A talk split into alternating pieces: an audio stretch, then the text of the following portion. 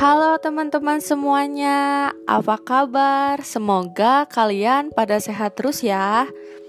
Hmm, aku juga mau ngingetin nih ke kalian tetap di rumah aja ya, karena keadaan kita tuh sekarang lagi genting-gentingnya banget, lagi parah-parahnya banget karena pandemi ini. Hmm, meskipun sekarang new normal, tapi kita harus tetap jaga pola hidup sehat ya, teman-teman. Misalnya berjemur, mencuci tangan, memakai masker, dan juga jaga jarak agar daya tubuh kalian tetap kuat. Oh iya, kenalin nama aku Mira Dwi Arinda, biasa dipanggil Mira. Aku Aku dari program studi pendidikan luar biasa Fakultas Keguruan di Universitas Islam Nusantara. Uh, sebelumnya banyak banget nih yang nanyain ke aku kenapa sih ngambil jurusan pendidikan luar biasa padahal banyak banget gitu ya jurusan yang lain selain pendidikan luar biasa kan pendidikan luar biasa itu ngajarnya anak yang berkebutuhan khusus ya. Terus ngajar anak berkebutuhan khusus itu susah, juga harus sabar.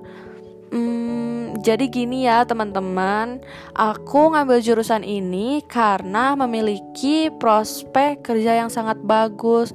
Emang ya, yang lain juga bagus, tapi aku terinspirasi dari saudara aku yang mempunyai hambatan dan keterbatasan. Nah, dari situ aku pengen gitu ya, tahu lebih jauh tentang pendidikan luar biasa. Dan juga ngajar pendidikan luar biasa itu nggak susah yang dibayangin sama kalian. Emang ya harus sabar karena anak ABK itu yang bakalan kita ajar itu nggak bakalan sama. Maksudnya di sini nggak bakalan sama itu anak yang berkebutuhan itu mempunyai keterbatasan atau kekurangannya masing-masing teman-teman. Oh ya, pas saat aku turun ke lapangan juga nggak sulit sih. Bahkan aku seneng banget ketemu anak SLB. Jadi aku bisa tahu anak itu mempunyai keterbatasan apa, hambatan apa, gitu teman-teman. Uh, di sini kita langsung aja ya sharing-sharing sesuai temanya. Aku ngambil tema yaitu apa apa itu anak berkebutuhan khusus atau bisa disingkat ABK. Jadi gini ya, ABK itu anak yang mengalami kelainan karena faktor temporer atau sementara dan kelainan faktor permanen atau menetap, baik dalam segi fisik, intelektual, sosial, dan emosi. Uh, nah, aku di sini mau berbagi cerita pengalaman aku sendiri ya, teman-teman. Emang banyak ya yang nanyain ke aku, kenapa sih anak berkebutuhan khusus itu ada yang gak bisa ngedengar, gak bisa ngomong, gak bisa ngeliat. Hmm, pasti teman-teman pada gak tahu kan anak yang berkebutuhan khusus ada berapa kelainan atau hambatan? Nah, di sini ABK dibagi menjadi dua, yaitu permanen dan temporer. Per pertama, permanen. Permanen itu ada jenis ABK permanen atau menetap, dibagi beberapa bagian, yaitu tunanetra, tunarungu, tunagrahita, ADHD, tunadaksa, tunalaras, dan autis. Uh, aku di sini bakalan ngebahas satu persatu ya dari jenis ABK permanen. Pertama, tunanetra, yaitu anak yang memiliki hambatan pada penglihatan. Di sini juga ada klasifikasi tunanetra dibagi menjadi dua bagian Pertama, berdasarkan waktu terjadinya ketunanetraan. Dibagi juga ada beberapa bagian teman-teman. Pertama, tunanetra sebelum dan dan sejak lahir, yaitu mereka yang sama sekali tidak memiliki pengalaman penglihatan. Kedua, tunanetra setelah lahir atau pada usia kecil yaitu mereka telah memiliki kesan-kesan serta pengalaman visual, tetapi belum kuat dan mudah terlupakan.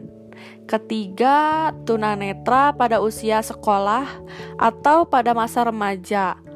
Mereka telah memiliki kesan visual dan meninggalkan pengaruh yang mendalam terhadap proses perkembangannya pribadi. Keempat, tunanetra pada usia dewasa.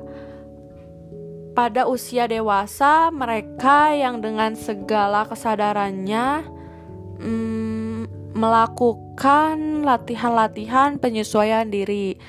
Kelima, dalam usia lanjut. Nah, dalam usia lanjut, sebagian besar sudah sulit mengikuti latihan-latihan uh, penyesuaian dirinya itu.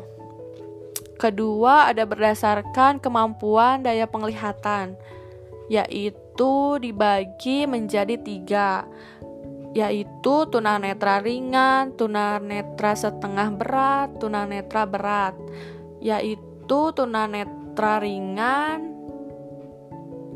Uh, mereka yang memiliki hambatan dalam penglihatan akan tetapi mereka masih dalam mengikuti program-program pendidikan dan mampu melakukan pekerjaan atau kegiatan yang menggunakan fungsi penglihatannya itu sendiri. Kedua, tunanetra setengah berat, yaitu yang kehilangan sebagian daya penglihatan hanya dengan menggunakan kaca pembesar mampu mengikuti pendidikan biasa atau mampu membaca tulisan yang bercetak tebal. Ketiga, tunanetra berat, yakni mereka yang sama sekali tidak dapat melihat, teman-teman. Uh, ada juga penyebab tunanetra, ketunanetraan maksudnya ya. Uh, dibagi menjadi dua prenatal sama postnatal. Nah, prenatal itu penyebab ketunanetraan pada masa prenatal sangat erat hubungannya dengan masalah masalahnya itu sendiri atau keturun keturunannya dan pertumbuhan seseorang anak dalam kandungannya. Uh, sedangkan postnatal yaitu penyebab ketunanetraan yang terjadi pada postnatal dapat terjadi sejak lahir atau setelah bayi lahir.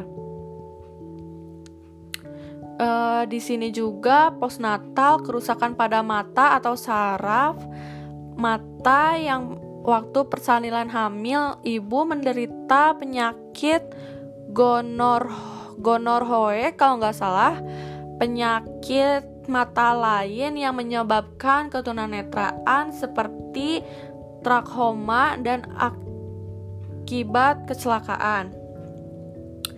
Uh, di sini juga ada karakteristik tunanetra. Uh, karakteristik karakteristik tunanetra itu dibagi menjadi tiga.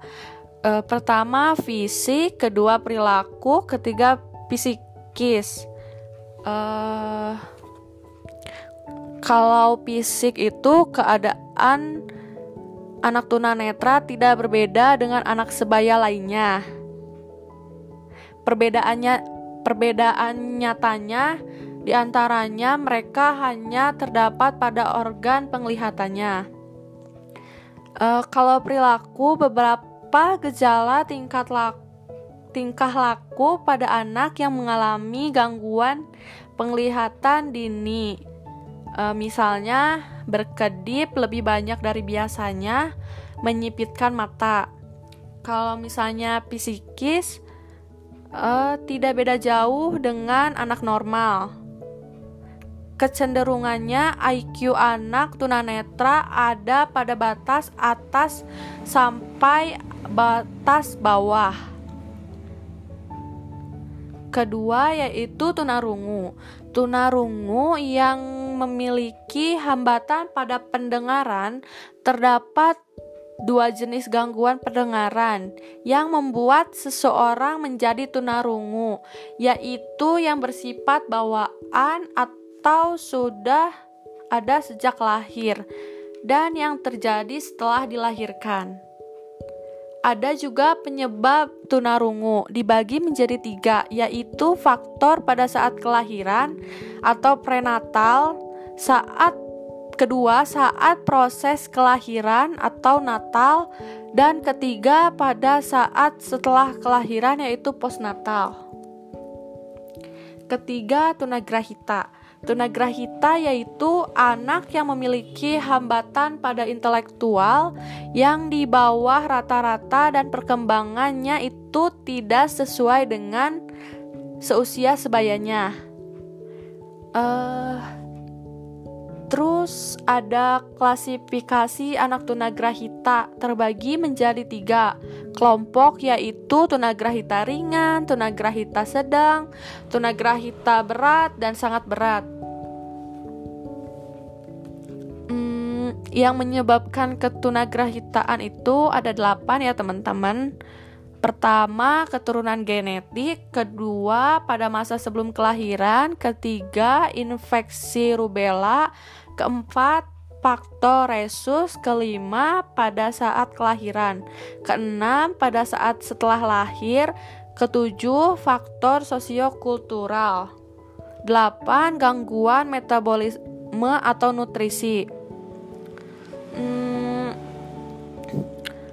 ada juga penyebabnya terjadinya tunagrahita, yaitu kondisi genetik, komplikasi kehamilan, masalah kelahiran, penyakit atau cedera serius, penyebab belum diketahui. Nah, itu itu penyebabnya ketunagrahitaan ya, teman-teman.